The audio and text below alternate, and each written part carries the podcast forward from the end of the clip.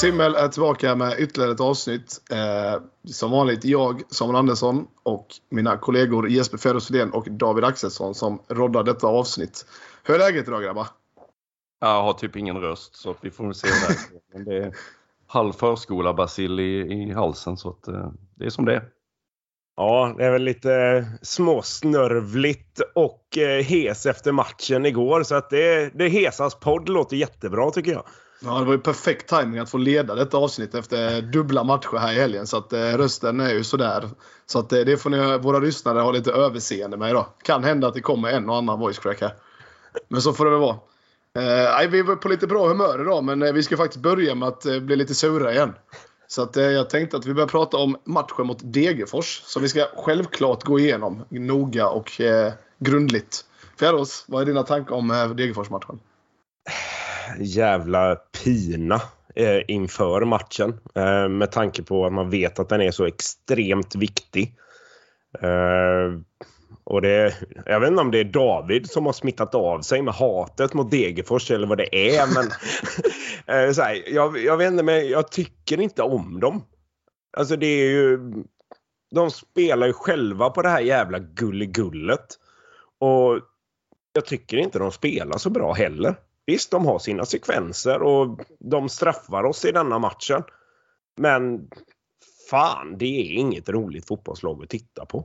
Jag tycker inte det. det och framförallt så det är än mer skit att vi inte klarar av att prestera bättre än vad vi gör. Jag tycker Haglund är lite fel ute när han säger att det är en bra prestation. Jag tycker faktiskt inte det. Nej, David, vad säger du? Nej, men alltså det, det var lite det man hade på känn också med tanke på vilken form vi har haft. Och man ska dit såklart och så ska de få stå och vara glada och efter matchen och tycka att de är klara för allsvenskan eftersom hela jävla byn har hybris konstant så fort de gör någonting vasst på en fotbollsplan. Nej, jag, eh, nej, det var inte vad vi behövde, absolut inte. Man var väldigt nedslagen efter den matchen tycker jag. Men det var väl på det igen sen, men um, ingen bra insats. Ändå såg jag nu lite förvånad var jag att vi vann expected goals eh, med lite lätt marginal 2.38. Vi skulle alltså gjort två mål i alla fall och så ja, eh, 13 skapade chanser, två stora chanser. Det, jag minns inte det riktigt så så att eh, det var väl bättre än vad man kände kanske men eh, nej det kändes riktigt risigt. Ja, men Antonsson och Lundevall har ju varsitt superläge. Eh, så det är väl de jag kommer på. Uh, Lundevall har väl någon boll där Ekroth typ ligger ner och får något jävla ryck, något spasm eller något så han får ja. väck bollen. Uh, det gör han ju aldrig om igen. uh, sen så är det ju självklart att Lundevall ska ju bara dunka upp den i nättaket egentligen. Alltså det, är det så nära, upp med den högt. Måste sitta liksom.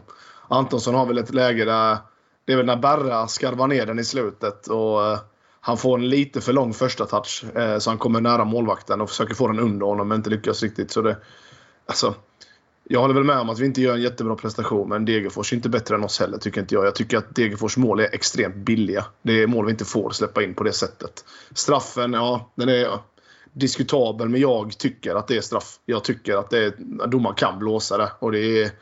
Ja, det sitter inte ihop riktigt och lite klumpigt av Andreas. Eh, sen så ska vi också ha en bra mycket mer solklarare straff än vad deras straff egentligen var på eh, en handsituation. Där faktiskt är Andreas som slår inlägg också. Så att, det kändes ju som att inga jättebra prestationer, men vi skulle i alla fall haft en poäng. Eh, tycker jag. Jag ser inte att vi förlorar den matchen med den matchbilden om vi spelar om den många gånger, faktiskt. Och det var ju en poäng vi absolut hade behövt, men eh, om vi stannar där lite vid deras straff så vi måste ju sticka hål på myten där att man kan få eh, att man kan bete sig hur som helst bara man är på bollen först. Jag menar, han, visst, han är på bollen men han skyfflar ju ner, mm. ner sin motståndare. Han har inte en chans att nå en eventuell retur eller eh, spela vidare i den situationen. Så att det är ju... Den är solklar. Frågan ja, är om det inte ja. både, både det Malle och Berra gör, äh, inte Berra, förlåt, Bengtsson gör äh, straffbart i det läget faktiskt. Ja. Så att det, det är ju en... De mosar ihop honom och det, det är lite klumpigt men hamnar lite efter och gör en hygglig försök till chansbrytning och träffar boll som sagt. Men har för mycket fart in i det. Så att för mig är det solklart. Jag såg några försökte kriga bort den, men nej. Det finns, det finns andra justitiemål vi kan fokusera på i år. Till exempel men, handstraffen som du pratade om. Så. Ja, alltså där och då. Nu, vi, nu fick vi en straff senast som vi kommer in på senare. Men där och då kändes det som att vi, vi kommer inte få en straff till. Vi kan göra vad fan som helst. Vi får inte det. För vi hade, nu känns det som att det, vi har snackat om det här klassiska. Att vi har haft många situationer, många eh, domslut, viktiga domslut som har gått emot oss eh, utan att ha fått något med oss. Och där och då kändes det verkligen så. Att det, vi kommer aldrig någonsin få en straff igen. För nu vet jag inte hur många solklara situationer det har varit utan att vi har fått den. Så jävlar vad hopplöst det kändes. Men eh, ja, så är det ju. Nu kanske vi får de här domsluten ännu mer med oss senaste, senare matcherna här nu i höst. Men eh, nej. Jag nej. jag tänkte ändå att vi måste ändå diskutera lite spelarinsatser mot Degerfors också. Gå in lite mer på spelare för spelare. Jag har ju en tes om att jag tycker Edvin Kulturu spelar bort sig från startelvan nu. Även, inte bara för att han tog en avstängning och att Thomas gjorde bra senast. Men jag tycker Edvin gör en ganska svag match. Jag vet inte om ni håller med mig. Alltså, jag, jag tycker väl att Edvin har varit relativt svag en längre tid nu. Uh, alltså det är inte alltid så att han är dålig. Uh, och det kanske är så att man ser hans vårsäsong som att det är där han ska ligga. Men det kanske är så att han ja, men, överpresterade om man kan använda det uttrycket. Uh, och att detta kanske är mer hans normala, kanske lite under hans normala nivå. men jag är absolut inte oäven på att låta Thomas spela. Um, och om det krävs att eh, Edvin liksom faktiskt petas för att komma tillbaka och kriga till sig platsen i de sista omgångarna och göra det jättebra i dem. Då säger jag inte emot för att vi behöver de bästa spelarna på planen nu i det tabelläget vi är. Men eh, jag är absolut inte negativ till att låta han sitta bänk. Nej, jag har väl varit inne på det länge nu och det är ju framförallt eh, Visst, Boachi är ju ingen framtidsman sådär men det är också ändå en spelare som kanske fortsätter i HBK. Eh, det kan finnas en anledning att satsa på en egen produkt ibland som är ung och utvecklingsbar och så vidare. Av flera olika skäl. Dels för att eh, man kan få en väldigt bra spelare men också vidareförsäljningsvärdet och så vidare. Men, men i det här fallet så han är ju redan borta så att mm. eh, han ska vara klart bättre än Boachi och jag tycker mm. snarare det var tvärtom. Det kommer vi till senare. Sen eh, tycker jag också i den här, eh, det är ju absolut ingen hemlighet, men i den här matchen blev det slående tydligt att kanterna är vår, vårt dilemma. Mm. Eh, två ganska svaga insatser där och vi har sett att ja, men båda har ju blixtrat till såklart. Krono har ju haft en konstig, han har klättrat två divisioner och haft en var långtidsskadad i början av säsongen och sen har det varit lite upp och ner. Det är inte så konstigt. Jag tror på honom på lång sikt. Jag kan väl även tycka att jag tror på Wikström på, på lite längre sikt. Men här och nu tyck, är det tydligt att det är där vi, vi har störst problem. Det är därför vi inte har tagit 7-8 poäng till. Det och domarna kan man säga. Mm.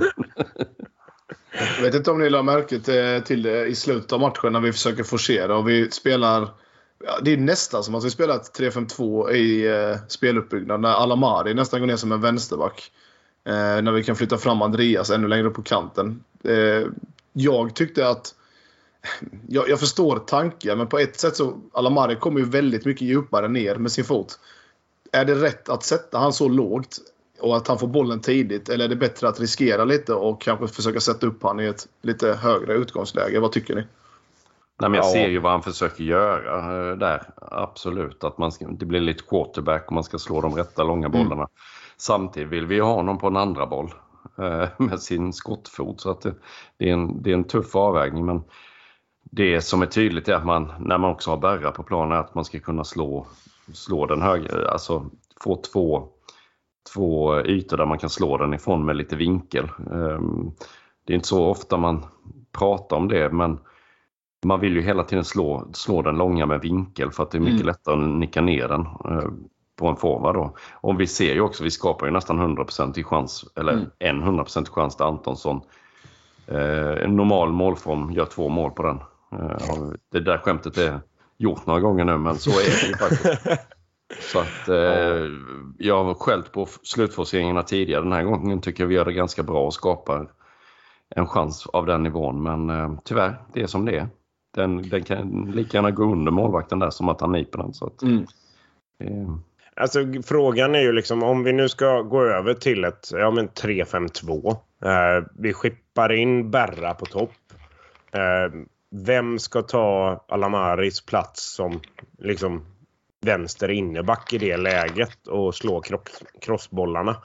Eh, om vi nu vill ha han högre upp i banan. Det är ju liksom den avvägningen man får göra också. Kan vi Ja. spela det spelet om Alamari är högre upp i banan? Vem ska slå de bollarna med samma precision? Så att då är ju frågan, vad vinner man mest på? Jag, jag vet faktiskt inte svaret där själv. Nej, nej men alltså jag förstår tanken och jag, jag tycker man har sett det en tendens tidigare att Alamari kommer lite djupare i djupspelsfas och hämtar boll lite tidigare för att han ska stå och styra lite med sin vänsterfot. Och det är ju vår bästa fot i laget just på den här långa svepande passningen och då, då är det inte fel att han, man sätter den till honom tidigt för att Går han inte ner tidigt och hämtar så är det ju bra mycket lättare för motståndarna att plocka bort honom. Så att då kanske vi inte hittar foten alls istället. Mm. Eh, så att jag förstår verkligen tanken också. Eh, men eh, ja, ja, som David säger, vi får ju faktiskt till en ganska bra slutforcering. Så att vi lyckas ju ändå med det vi gör där. Så ja, jag tycker det är intressant. Jag tycker det är alltid intressant när man ser att någon som kan styra lite med sin fot. Det är svår egenskap och det är klart att vi ska utnyttja den. Och sen som David är inne på, alltså det är en bra slutforcering. Mm. Hade vi gjort mål där och fått med oss en poäng från Degerfors, nej men alla hade ju hyllat Haglund för den taktiska förändringen vi gör. Mm. Alltså det är ett mål ifrån från att den faktiskt lyckas och vi har lägena som gör att vi ska kunna ta en poäng där. Mm. Eh, Så att det, jag, jag säger inte emot att vi ska kunna göra så mer om lägena uppstår i matcherna. Och det gissar jag att det kommer göra. Ja, men vi kanske, jag vet inte, ska vi lämna Degerfors? För det känns som att det, den matchen har vi avklarat. Det är väl snarare så att vi sitter här nu och har sagt ett par gånger att det ska vi komma till senare. Och det är kanske det vi ska komma till nu då. Vi går in på ska vi Häckenmatchen. ah, den. Den har jag nästan glömt. Den var så länge sedan. För att eh, nu när jag tänker tillbaka på det så 3-2 målet vi gör för att gå händelserna lite i förväg. Det är faktiskt en crossboll från Alamari som hämtar boll i djup eh, utgångsposition. Så att där fick vi utdelning på det också. Mm. Nej men David, vad är dina känslor och tankar kring Häckenmatchen? Ja, vad är mina känslor? Det är ju eh, en match man känner på något sätt att man inte ska ha någon större chans i när man tänker så här i förhand att vi ska möta Häcken borta. Eh, Vi är nykomlingar i Allsvenskan. Det är Häcken som har varit ett eh, stabilt lag i många, men de är ju inte riktigt det i år. Men då tänker man ju också att det alltid är matcherna mot oss de faktiskt visar sitt rätta jag och kör över oss på något sätt. Ja. Men, men eh, den här gången, alltså vi börjar väl helt okej. Häcken har ju en farlig nick på hörna redan efter fem minuter med, via Tominen. Men sen, sen gör vi det bra och Bengtsson hittar huvudet på Karim i några minuter senare. Bara lite för hårt inlägg kanske för att han ska hinna styra det på mål. Men, eh, och sen kommer ju den här straffsituationen där Boache fångar den djupt, eller brett och, och skjuter liksom. Och eh, Häckenspelaren får den på, på handen och helt jävla absurt så pekar domaren på straffpunkten. Alltså man tror ju inte det än. Nej, det tog ju fan en halv minut innan vi på läktaren fattade att Ja, man, man var vågar ju inte ens tro på det längre. Det är liksom, man har ju slutat Det var tro. hörna eller något. Ja, eller man var glad för en inspark, hörna liksom. glad för en hörna som vi ändå aldrig är mål på, men eh, det var Ja, skönt för nej, den. nej, man blir så otroligt paff. Och sen måste jag säga att jag, eh, jag vet inte när jag var så nervös i eh, fotbollssammanhang som när Antonsson la upp den på strafflinjen där. För att det är ju... Det betyder ju oerhört mycket för HBK att komma upp i en 1-0-ledning där, det vet man ju. Eh, sen har vi tappat den i en senare diskussion. Men, eh, att Mackan där, jag tror det är 400 minuter utan att ha gjort mål. Så ska han lägga Nej, upp det är den där. mer. Det var Ja, över 1200. tusen minuter. Ja, var det över 1000 minuter? 1224 minuter. Ja, just det. Det var 400 matcher typ. Nej, men att han, man tänker, ska han stå i den persen nu? Men det... Ja. eh, Man hann tänka mycket där, men eh, han gör väl helt rätt tänker jag. Ja. Fokusera på bollträff och skicka in den allt vad han kan mitt i mål typ. Ja, man har ju inte kylan just nu uppenbarligen. Då är det ju absolut helt rätt straff att välja. Att dra Ja. den lite med vrist. Uh, hårt och... lite så här målvakten. jag- Han är väl på den Han typ, är på men den, den, ja. Men den är ju till, han kan ju inte ta den för att den är tillräckligt hård liksom. Den går för Nej, där snabbt. måste han stå helt still. Ja, han måste ju stå han där, liksom. ta det. Mm. Det, annars tar han den aldrig. Så han är på den, men han är fortfarande inte i närheten av att rädda den som jag ser det. Nej. Och sen, jag eh, snackade lite med Malle efteråt och han sa ju att Mackan har tränat timmarvis på straffar på slutet. Och han har säkert tänkt att min chans att, att knäcka den här måltocken kan mycket väl komma från straffpunkten och då ska jag i alla fall vara stensäker på vad jag gör. Mm. Och det är också otroligt kyligt och tålamodsmässigt och, och snyggt av Haglund att ha kvar honom överst på straffskyttlistan. För hur skulle det samtalet annars? Du, jag tror på dig. Du kommer göra mål snart. Förresten, jag tar bort dig från straffpunkten. Nej, men Malmö skulle ju dratt den. Ja. Det hade han säkert gjort. Men eh, nej, så att det var... Det, det, nu ska vi inte gå händelserna i förväg, men det är en sån situation som vi kan se tillbaka på, på som säsongsavgörande, förhoppningsvis. Åt rätt håll. Ja, men jag har ju sagt det hela tiden i den här podden också att när Antonsson väl får första då kommer det fortsätta trilla in. Eh, och den känslan har jag väl nu. Eh, om det nu inte är något allvarligt med den här skadan som jag... Av bilderna, tro, jag, först trodde jag att det var en bristning och då tänker man att det är ju nästan resten av Mm. säsongen. Det är ju inte mycket kvar. Men sen såg jag att det var hälen eller foten han hade på. genomtramp eller någonting. Ja, så att då känns det ju ändå bättre. För det, då är man tillbaka. Jag, jag tror han siktar på nästa match redan. Eh, och Örebro hemma, jag säger det redan nu. Pengar på att han gör mål alltså. Eh, han kommer fortsätta göra mål nu. Ja, nej, jag tror Mackan... Eh, han kommer nog göra mål i nästan majoriteten av matcherna som är kvar här nu. Det är mitt ut... Det är, jag, jag lovar det. Fan, nu sitter jag och lovar saker i Stigs himmel. Men så kommer det vara. När ni lyssnar tillbaka på det här en vacker dag, ni som inte har något annat att göra, då kommer ni göra det. Den som går tillbaka och lyssnar just på det här avsnittet. Det är, ja, det är nästan vi betalar psykologtimmar för den personen. Mm. Ja, precis. Men eh, fan, vi har gått igenom 1-0 målet. Ska vi diskutera vad som hände sen? För sen är det inte jättebra, va? Sen kommer ju Häcken med all sin kvalitet kan man säga. Ja. Där ser man verkligen hur bra de skulle kunna vara. Fast egentligen, jag tycker ändå att vi kontrollerar första halvlek någorlunda. Alltså visst, Häcken får en del lägen. Men det är ju inte så att de spelar ut oss med ett extremt övertag i spelet. Vi har också våra lägen och vårt spel i första halvlek. Jag är rätt lugn första halvlek faktiskt. Fram till att de gör 1-0. Hur många öl hade du innanför västen då? Noll. Om du var lugn? Ja, jag, jag kände inte alls så. Jag tyckte vi blev överkörda. Jag tyckte det var nej. skitjobbigt och jag tänkte bara vi måste ta detta in i halvtidsvila.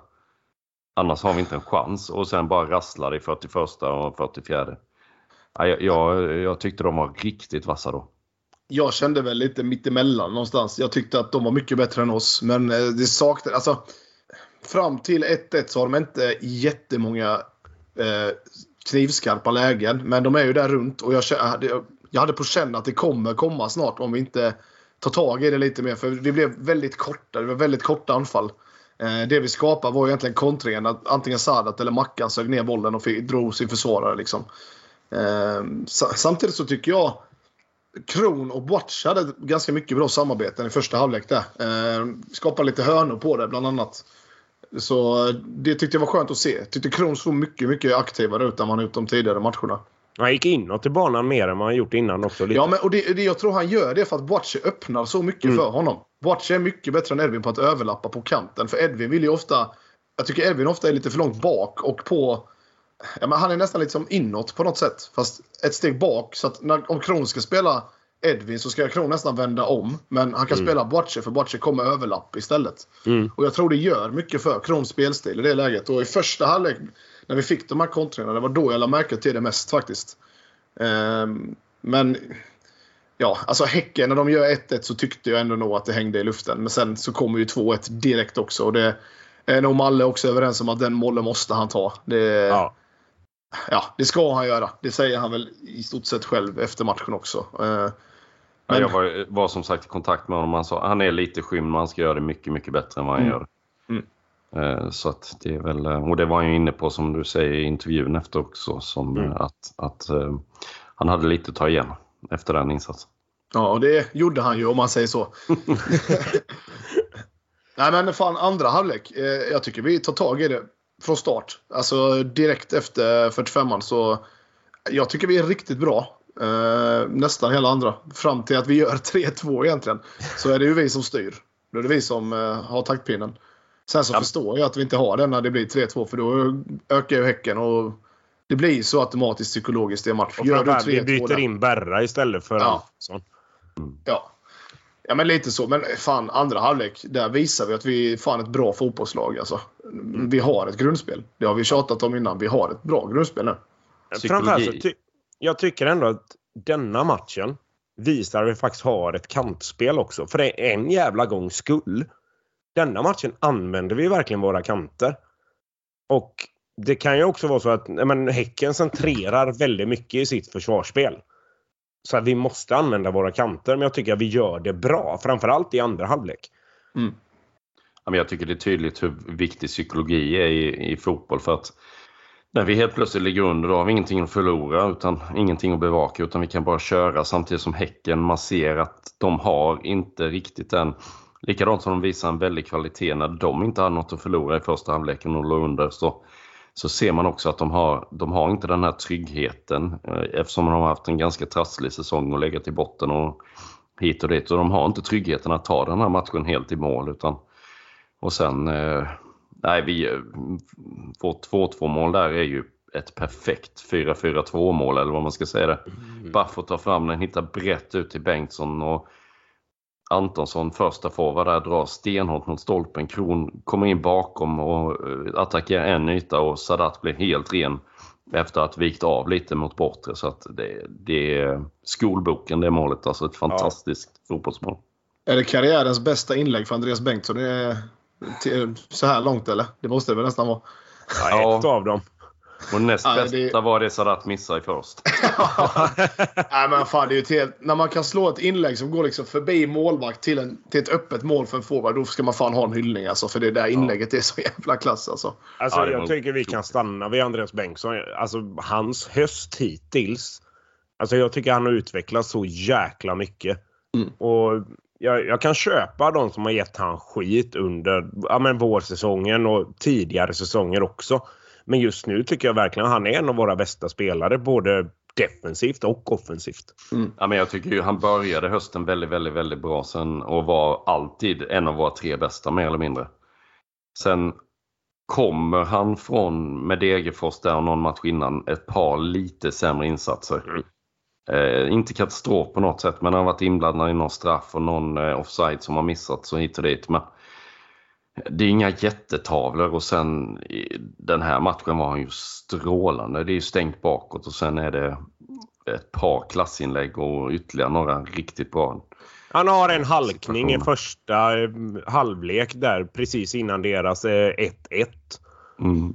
Och sen tycker jag också man ser, jämför Lundevall nu som spelar, att Tott kanske är bättre individuellt än Lundevall men om du ser Bengtsson, det blir tydligare för honom vad han ska göra. Mm. När han spelar med Lundevall som är mer erfaren och är lite mer eh, för medspelarna.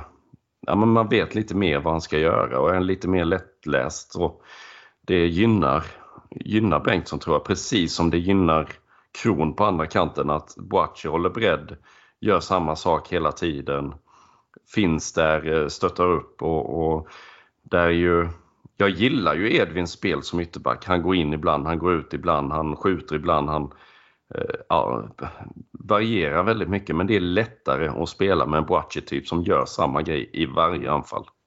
Och det Alltså, påverkar. du har ju sagt det förr gällande Lundevall att du inte ser honom som en inhoppare där David. Att Nej. han aldrig kommer in i matcherna. Nu startar han och nu gör han en bra match. Mm. Eh, och Jag tycker du är inne på en väldigt viktig sak där att hans rutin i detta läget. Alltså han lägger ner ett defensivt jobb med att försöka ligga rätt i positionerna. Och det får han när han startar matcher. Sen tycker jag inte att det är en framtidsspelare för oss. Men just nu så är frågan om han inte ska fortsätta starta om vi nu ska använda honom. Ja, så ska, det är ju det du är inne på. Ska vi använda honom så ska han ju starta. Men Ja. det är ju frågan om vi ska göra det. Eller om Tott, som jag faktiskt sa igår också, Tott kan mycket väl vara lite som jag tror Antonsson kommer vara. Mm. Ja, har ja, det ja. lossnat. då kanske Tott ska spela. För vi såg vad som hände förra hösten när det väl lossnade. För det var samma sak förra och då var det Superettan. Första 15 matcherna var alla jävligt besvikna och frustrerade på. Tott. Men vad hände på hösten? Nu började då explodera det och jag tror det kan hända igen. För det är en Ja. självförtroendespärr där. Jag, t- alltså jag har tänkt tanken och jag vet, den känns lite bisarr när man själv presenterar den för sig. Men jag tänkte tanken i helgen här nu efter matchen. Hade Tott satt det målet om inte Mackan hade gjort sitt först? Alltså förstår ni att det, det är en kollektiv Ja, släpper. som släpper där på något sätt. Mm. För det är ju exakt samma läge som han hade mot, mm, det var inte Degerfors. Östersund. Östersund. Östersund ja. Exakt samma läge och nu är det hur behärskat som Nej, helst. Östersund var till och med ännu bättre. Ja, nästan. Ja. Jo men det var det för då var ingen i vägen. Nej, Nej. nej, nej. Eh, nej, jag, jag tror inte att det har med varandra att göra. Eh, sen så tror jag nog mycket väl att det här 2-2 målet som vi gör. Det ger ju hela laget en positiv skjuts. Och Tott kommer in som avbytare och inhoppare och han behöver ju visa sig i det läget. Och vi går ju faktiskt för tre poäng i det läget. Och det, där är Tott bra. Han har en individuell kvalitet på det viset. Att kunna dra sin gubbe och kunna dra isär ett för, försvar. Och nu kommer han i ett läge och jag tror att den positiva energin i laget är den som hade påverkan. Inte att Antonsson satte en straff. Ja, men jag, jag tror mycket har att göra att Tott kände också att laget var på gång och att han inte... Jag tror inte han blev nervös när han fick läget den här gången. Jag tror inte han hann tänka. Jag tror bara han kände yes nu får jag nu sätter jag dit den. För det, det var en positiv anda och det var en positiv känsla just där och då i matchen. För det var fortfarande vi som styrde när det stod 2-2. Ehm, Så jag, jag tror, som ni säger, det är lite... Men lite den här hur matchen utvecklar sig eh, psykologiskt. För att när vi, vi, alla spelare känner ju att vi är bättre. Och alla spelare känner att lägena kommer. Och då är man nog mer beredd på att det kommer dyka upp. Och Tott, ja, han var ju fokuserad. Han satte dit bollen. Det är ju det enda som krävs i det läget. Så någonting var det ju som funkade helt enkelt. Något som inte funkade var ju hans målfirande. Fan ska Ja. han ut i grejer för hörnflaggan att göra i det Nej, det är läget? för jävligt. För den euforin på bortasektionen var riktigt jävla bra. Alltså det var länge sedan det var en sånt Ja. eh, målfirande. Sadat satt ju raka vägen dit ju. Ja, ja. Sadat, eh, ja, det var ju lite roligt på Sadats 2-2 mål. Han först springer till klacken och man står där och är skitglad. och säger man, men vad fan, bort härifrån, ni ska göra ett till. Kom igen här nu. Sluta nu, ett till. Så det, nej, det var fint. Ja. Men eh, självklart, Tott, eh, ja, nu ska vi inte hylla honom mer. Han ska fan få skit för det målfirandet. För Ja. sådär får man inte hålla på. Det Han ska, är ju under rätt, all jävla kritik. han, han ska ju fan rätt upp i klacken där alltså. Ja. Han ska ju stå på läktaren när han firar det målet. Hissa upp eh, tröjan på en flagga och bara stå och veva Ja, i bar. Ja, ja. Vi kan ju inte prata om det målet utan att prata om, om eh, Amirs kross heller. Alltså, Nej, det är det jag menar. Det var det vi var inne på i början. otrolig eh, blick för det och precision och sen är ju Boache är ju i den ytan. Det har vi varit inne på innan och idag var en sån, eller eh, i lördags var det, det var en sån dag där, där tekniken satt för Boache också och han lekar in den och Sadat gör det bra som får iväg det är en bra räddning och sen, sen är det ju mål liksom. Så att, eh, nej, all, många som gör bra saker på Thomas båda målen. helt rätt med att spela Sadat i det läget. Ja. Och Det sen ser ska man. vi, vi ska ju berömma hans nedtagning där. Alltså det är Ja, inte lätt ja. att ta emot en boll på bröstet från 70 meter så kommer över den. Liksom. Det är ju Nej. extremt Med två. Häcken-försvarare mot sig. Ja, ja. Det är Nej, en jättebra prestation. Och den går precis över skallen på den ena försvararen där. Mm. Så att det kan lika väl kunna bli en hörna för oss, men den kommer precis på Thomas. Så visst fan spelar han in sig i elvan. Det är ju det enda jag kan tänka mig att Haglund eh, tycker det är jobbigt att inte ha någon som alternativ som inhoppare Mm. på flera olika positioner. Men han måste, efter den matchen måste man ju få fortsätta. Så är det ju bara. Ja, han, alltså, han, ligger, han ligger bakom två mål. Han fixar Ja. faktiskt straffen också. Så att Ja. vi, vi måste ha startat honom. Och framförallt som ni var inne på innan, alltså samarbetet mellan eh, Boache och Kron. Det visar någonting. Eh, och det är alltså vad som är bäst för laget. Så, ja, Edvin kanske är en bättre individuell spelare eh, totalt sett än vad Thomas är. Men för laget är Thomas en bättre spelare. Ja, Ja, jag jag tror med. också det. Framförallt kanske det är defensivt som Edvin i grundkapacitet har lite mer att sätta emot. Men, Mm. men ehm, det Boache erbjuder i denna... Han, han gör tycker han gör både eh, Sadat och Kron några procent bättre samtidigt som han håller bredden och eh, ger oss ett, ett alternativ där ute också. Det, nej. Och Kron kommer mycket bättre in både i, i, eh, med, med bollen själv i fötterna och utan boll in i Mm. banan och blir ett bättre... Det ser man ju på, på Sadats mål också. Där är ju Kron faktiskt vid straffpunkten och ett Mm. alternativ som är fri mer eller mindre. Mm. Så att, eh, nej, det känns som Boachi förbättrar oss med några procent och då tycker jag han ska spela. Vi måste faktiskt prata lite om Sadats utveckling, även om vi har sagt förr att han har varit bra. Men alltså att han är bra i mottagsspel och det här har vi tjatat om hur mycket som helst. Men visst fan känns han mycket målfarligare också. Inte bara för att han gjorde mål, men han är lite mer inne i zonen. Alltså, han, Han är mer in. på rätt plats nu tycker jag. Ja. Ja, det känns som- lite mer lägen Ja, det känns som han, han har hittat hur han ska göra mål i Allsvenskan. Mm. Eh, på något sätt. Innan eh, kändes som han, som han hade riktigt koll på det där. Och det tror jag gäller fler spelare som är nya i Allsvenskan. I det här fallet, vi har Kron, vi har Wikström. De måste hitta sitt sätt att göra poäng på den här Mm. nivån. Eh, och det kan ta lite tid. Men jag menar, Sadat har gjort fem mål nu och har ju inte varit ordinarie jättestor del av säsongen. Så att jag tycker det är eh, ett bra facit. Ja, absolut. Har vi Men någonting alltså- mer om Häcken? Ja, alltså vi kan inte bara vara positiva känner jag. Jag tycker faktiskt att vårt innermittfält eh, denna matchen är bland det sämsta på planen för oss. Eh, visst, eh, Alamari har ju krossen till Thomas där när vi gör 3-2. Men jag tycker i övrigt att det var mycket slarv. Eh, men han är bättre än vad Allansson var i passningsspelet. Allansson hade väldigt mycket bolltapp denna matchen. Eh, defensivt tycker jag inte att han är dålig, men offensivt så är det nog bland de sämsta på länge från Allansson. Sen ska vi också veta att Ber- Berggren Friberg är inte allsvenskans sämsta innermittfältspelare. Nej, nej, absolut De är inte. riktigt bra. Nej, och dessutom spelar ju Häcken med tre där inne. Så att eh, på något sätt så blir de ju en mer också. Det är alltid svårt att täcka ytor för dem. Eh, men jag håller med med lite för jag tycker Alamari också hade en lite svagare match än vad han har haft innan. Eh, även Allansson. Det är väl mer att de inte... Allansson hade väl... Han kände sig inte lika trygg med bollen på något sätt heller.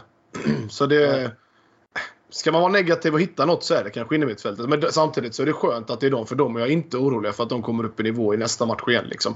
För att det, ska de vi vända det till något positivt så är det ju så att Allansson kanske försökt sig på lite mer offensiva pass än vad han har gjort tidigare. Det var inte Mm. bara sidled och bakåt utan det var lite mer försök på pass framåt och lite mer skarvar och sånt där.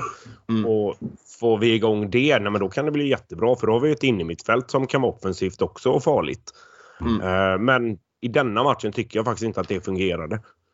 Så måste jag, alltid när jag sitter här och poddar så har jag ett eh, statistikverktyg framför mig. Det är, det är inget konstigt. Det är fotmob.com som finns som app och också en väldigt bra hemsida. Ska vi nämna inte någonting om... sponsrade. Nej, det är vi inte. Ska vi nämna någonting om den spelare som fick absolut sämst betyg i vårt eh, lag? Malmö. Eh, Malcolm Nilsson. Fick han det? Sex- 6,6. Aboachi hade 6,7 som vi har suttit och hyllat. Fan vad dåligt fotbollsöga vi måste ha. Fan Malle gör ju inga bra räddningar eller? Nej, det tror jag inte. Han har ju fått dåligt betyg. Så. Nej, Det är väl dags att prata om dem eller? Ja, vi kan väl inte riktigt bortse från det. Nej, han är ju matchavgörande, Malle. Ja, det är kul ja, att det. han hinner med några räddningar mellan alla poddframträdanden. Det är det. Ja, så är det ju. Att han hinner spela fotboll med och inte bara ja, Ja. vara med i poddar. Nej, poddproffset Malle liksom. Ja. Spela fotboll på fritiden. Proffs var ett, var ett eh, smickrande epitet för det han hållit på med. Ja, nej men lite allvarlig. Alltså det är ju slutet på matchen när Häcken trycker fram. Det är ju en målvakt behöver verkligen vara i zonen. Och det är helt sanslöst vad Malle agerar i de lägena. Det är inte så att han bara får bollen på sig utan han gör faktiskt en aktion för att rädda bollen och den lyckas. Och ta bort den framförallt. Eh, för Ja. det är ju två situationer där det mycket väl kan bli en tap-in retur liksom. Mm. Nej, det är all eloge till Malle. Och eh, efter matchen i intervjun när han har gråten i halsen. Liksom, Ja, det är så det, jävla fint. ja. Och framförallt hans firande med klacken efteråt. När han bara går ut till klacken och norpar en flagga för han ska ha den. Ja, det, var, det var inte så att någon liksom erbjöd. Han bara “Den ska jag ha!” Ja. Ja, det var fint. Fy fan, det var mycket känslor där. Det var faktiskt det var jävligt fint att se. Därför att det var... Alltså, den berg och dalbanan man upplevde känslomässigt under den här matchen, det har man fan inte gjort på länge. Alltså. Och det kändes verkligen som att det var en... Alltså det var inte en normal Halmstad-publik på något sätt. För det var verkligen en ren jävla eufori när vi gjorde 3-2 målet. Och där efter matchen, det, på något sätt kändes det som det bara släppte för alla. Det var verkligen... Det var, det var en speciell känsla helt enkelt. Så jag tror det smittade av sig på spelarna också. Där. Ja, sen så... Vi, vi har sagt innan vi inte hade tur med domsluten mot eh, Degerfors, men det hade vi fan i denna matchen också. Det, det är en solklar offside på Jeremejeff när de gör 3-3. Ja. Men med vår vanliga tur denna säsongen så hade det varit godkänt. Ja, ja, absolut. Ja, ja. Men då ska ju inte vi ha straffen där Thomas får heller. Nej. Nej. Nej men alltså det är ju...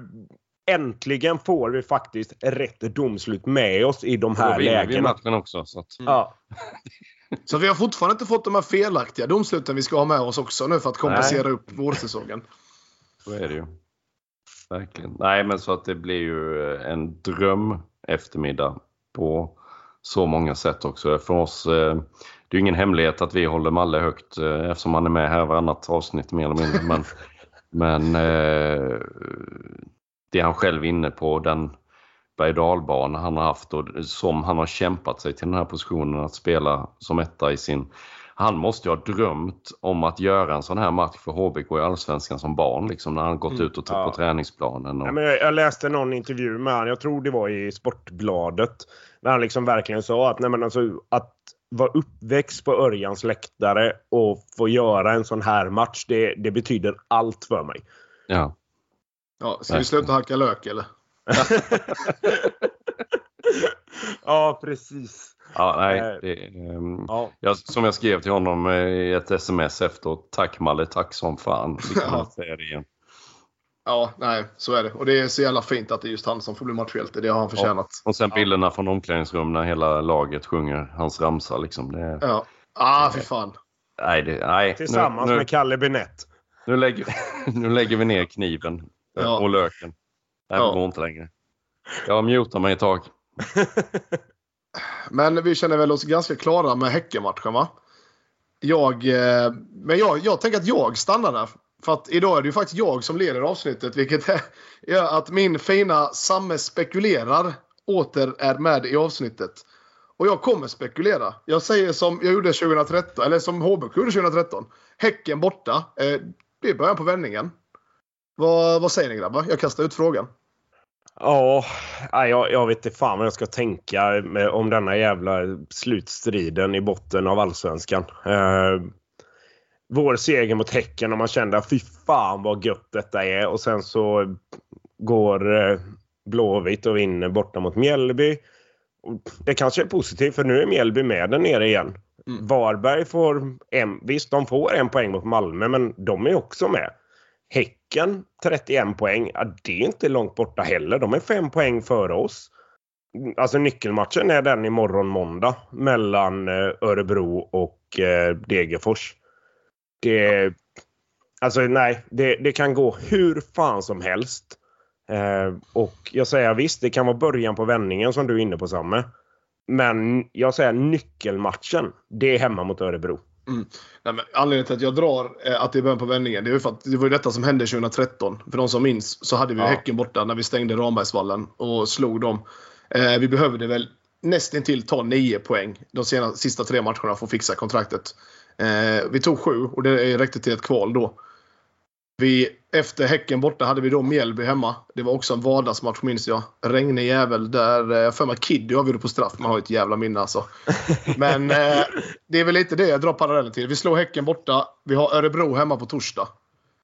Vinner vi den så tror jag att då ska det mycket till att vi inte klarar det. Och det är lite den här parallellen jag vill dra. För 2013 fixade vi det där det började borta mot Häcken. Och jag tror att det kan vara så att vi gör det i år igen. Det är min spekulation i detta avsnitt. Ja, alltså det, det krävs ju ingen liksom vidare utbildning för att inse hur viktig Örebro-matchen är. Samtidigt så handlar det fortfarande om att ta rätt antal poäng och det kommer ju vara fler matcher därefter. Jag tror inte vi går ifrån AIK, Djurgården, Elfsborg, Hammarby, Malmö nollade på något sätt. Nej. Det tror jag verkligen inte. Eh, det ser vi nu på Häckenmatchen. Visst, de ligger där nere och har en skitsäsong, men de är ju ett, de är ett lag för över, över halvan, både på papper och egentligen eh, spelmässigt och allt. Och vi har tagit sex poäng mot dem. Eh, vi har haft helvete att ta poäng mot lagen där nere. Liksom. Så att mönstret följs så att jag, jag känner mig inte alls slagen på förhand där men det är väl klart vinner vi mot Örebro och har 29 poäng då krävs det kanske bara någon enstaka pinne till för att vara helt säkra på att klara det. Jag, Nej, jag, jag, Man- jag tror att det kommer krävas rätt mycket poäng för att undvika kval i år. Jag, jag tror att vi, Degerfors, Göteborg, även Mjällby och även Varberg som nu faktiskt är indragna. Alla de lagen kommer plocka poäng under hösten. Så att det, jag gissar att det kommer krävas en 33-34 poäng för att undvika kval till slut. Alltså, jag, jag förstår att du tänker och känner så, absolut. Och det är väl lite också att Örebro och Östersund är ganska rejält efter. Men det är ju trots allt bara en gång sen det gick över till 16-lagsserie som det Ja. har behövts mer än 30 poäng. Eh, och det brukar ju följa det mönstret. Men säg, ja, 32 poäng kommer vi i alla Ja. fall vara klara på. Så två, två segrar eller en seger och två, tre kryss till. Det, det ska absolut räcka och det tror jag vi har all möjlighet att kunna göra. Jag, jag tror också att det kommer krävas mer än 30 år. Ehm, och som du säger, slår vi Örebro vid 29. Jag, jag tror absolut vi plockar minst två pinnar sista fem. Det är min känsla. Så det är nyckelmatchen mot Örebro. Så är det bara. Och tänkte faktiskt säga det, det blir intressant att se hur Mjällby reagerar här nu. För att de har ju haft en otroligt jävla go på en svit att de har hållit nollan. Så nu och Svensson får Håkan håller kvar det!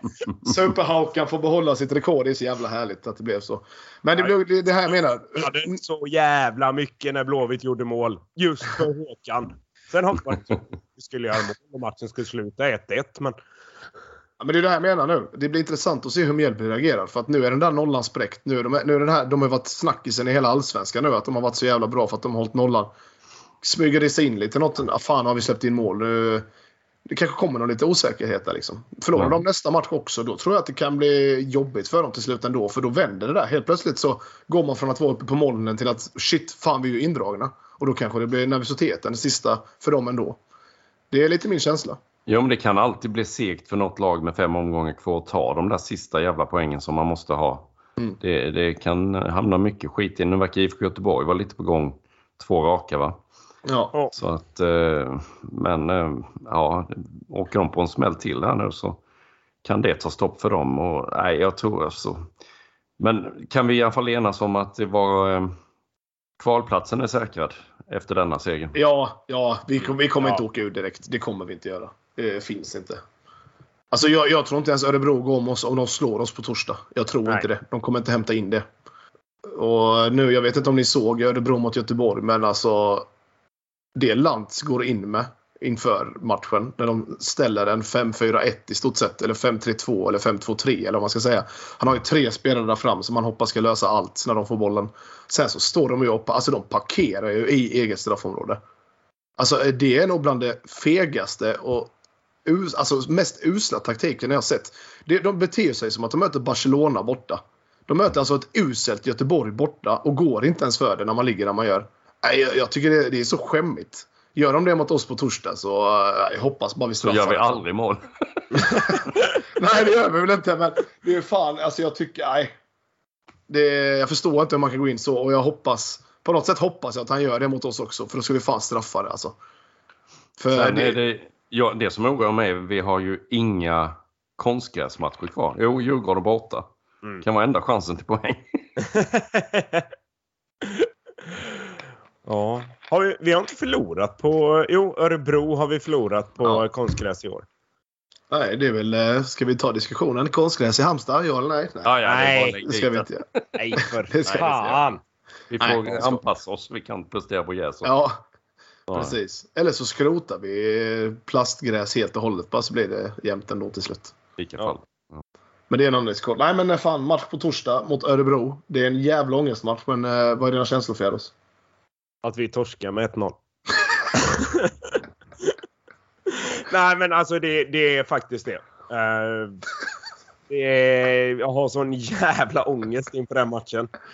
Uh, vi kommer ifrån en jävligt meriterande bortaseger mot Häcken. Uh, men vi vet att vi presterar inte bra mot bottenkollegorna.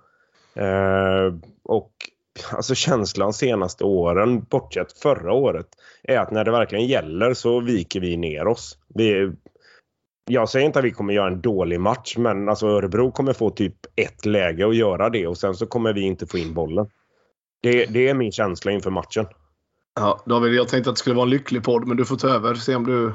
Ja, men det är väl klart att man har en sån rädsla och med tanke på hur det sett ut mot bottenlag. Samtidigt så sitter jag här och kollar lite nu. Senast Örebro vann en fotbollsmatch i i eh, allsvenskan som inte var mot Östersund, om man nu ska säga så, var ju 2 eh, augusti. Sen dess är det ju mest rött i, i kolumnen. Så att, eh... ja, därför kommer ju seger mot oss. Ja, det har ju ett, Lag vänder ju Nej. alltid sina trender mot oss. Jag, jag är inte rädd att vi förlorar det här. Jag är rädd att vi inte vinner. Eh, lite som mot Östersund hemma. Man är rädd för reprisen där på något sätt. Så att, eh, sen är det ju också då, nu ska ju Degerfors och Örebro mötas eh, Imorgon. de flesta eh, lyssnar på detta kanske ikväll, eh, alltså måndag. Måndag kväll blir det. Och eh, jag vet inte riktigt vad man vill ha där. Eh, man vill ju ha kvar Degerfors, samtidigt vill man inte att Örebro ska vind i seglen. Så att, ett kryss kanske. mm. Nej men fan, jag, eh, jag säger ändå så att jag, vi ska ju lösa det där på egen hand. Alltså för mig får Örebro gärna slå Degerfors. För vi ska ja. ändå göra jobbet hemma mot Örebro. Då spelar det ingen roll. Eh, och jag, som jag sa, jag tror att... Alltså inte bara för att vi vann, men just att det är Tott och Antonsson som gjorde mål. Det tror jag kommer vara, det kommer vara nyckeln för oss tror jag. För som jag sa, Antonsson kommer göra mål mot Örebro. Det är bara och in att Sadat fortsätter göra mål. Ja. Mm. Och det, alltså, Kron kan fortsätta spela med Thomas och få lite mer ytor och hitta rätt. Fan, frågan är om det inte ska lossna lite. Alltså, jag, jag har ångest som vanligt inför det, men jag har ändå någonstans så kändes... Ja, men jag har ändå lite så här positivt. Det är inte samma sak som när vi mötte Östersund riktigt heller. För då, då var det bara ångest med. Men den här gången tror jag ändå på oss. Och jag tror Antonsson gör mål och jag tror Totti gör mål igen. Det hade varit så jävla underbart. Att de två fortsätter. Så jag tror vi vinner med 2-0. Och jag tror vi gör en ganska stabil insats. För det jag så... Nu, nu, nu kommer inte jag ha sett matchen när ni lyssnar på detta mot Degerfors som Örebro spelar imorgon. Men det Örebro gör så mot Göteborg, det finns inte en chans i världen att vi inte slår det. För det var så jävla dåligt. Så eh, nej, vi måste vinna. Jag säger 2-0. Risken är att ingen av dina målskyttar startar. det gör de. Det är lugnt. Ja. Alltså, vad vill ni, jag, vad vill ni ha för elva? Jag är faktiskt inte oäven på att starta samma elva som mot Häcken. Eh, jag tycker att Lundevall faktiskt med sin insats visar att han är en startspelare. Han är ingen inhoppare som vi var inne på. Sen så är det klart man ska premiera Tott när han avgör matchen med att han kanske ska starta. Eh, och det kanske är rätt att starta Tott också med tanke på att vi kanske behöver vara lite offensiva i denna matchen för att faktiskt vinna den. Eh, så att jag säger att det är där det stora frågetecknet är. I övrigt vill jag se samma elva som mot Häcken. Jag, jag kan väl också se samma och att eh, Tott har förtjänat ett eh, 35 minuter långt inhopp kanske. Mm. Eh, eller något åt det hållet. Lite beroende på såklart, är Lundevall stekhet i matchen där och då så ska man inte ta bort honom. Men, men eh, något åt det hållet så får han vara lite supersub. Det tror jag är en, en roll som skulle kunna passa honom ganska bra så här på slutet. Mm. Dessutom är han en ganska hygglig pressspelare och gör bra jobb defensivt. Så han är ju bara att slänga in om man skulle leda också på något sätt. På en kant istället för Lundevall som inte har sin styrka där kanske. Eh, annars är ju Boache, för mig är det solklart att han ska fortsätta av många skäl. Dels för att jag tycker han presterar bättre än Edvin och dels för att laget presterar bättre tillsammans med Boache och att Edvin faktiskt har skrivit på för en annan klubb. Det är mm. tre goda skäl där. Mm. Eh, annars så ser jag det som ganska givet att det är rätt så många vilodagar till torsdag också så att jag tror... Eh, Men Malle spelade ur sig ur startelvan va? Ja, upp på läktaren var han ju. I alla fall enligt Fotmob. Ja, precis. Funkar inte med dem. Nej, det var härligt att se kärleken mellan honom och Malte också där. De springer fram och kommer om varandra. nej. Nej, usch. Nu mutar mig igen.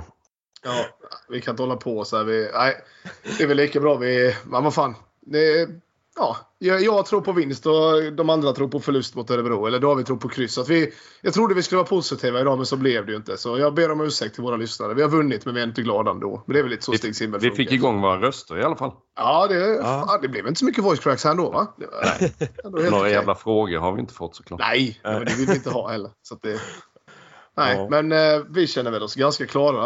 Eh, kommer väl ett avsnitt som vanligt om någon vecka eller två. Om vi har Fram till vunnit. dess. Om, om vi vill, om vi bryr oss.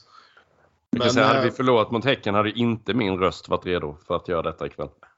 Nej, lite så. Nej, men på återhörande. Krossa Örebro. Ha det!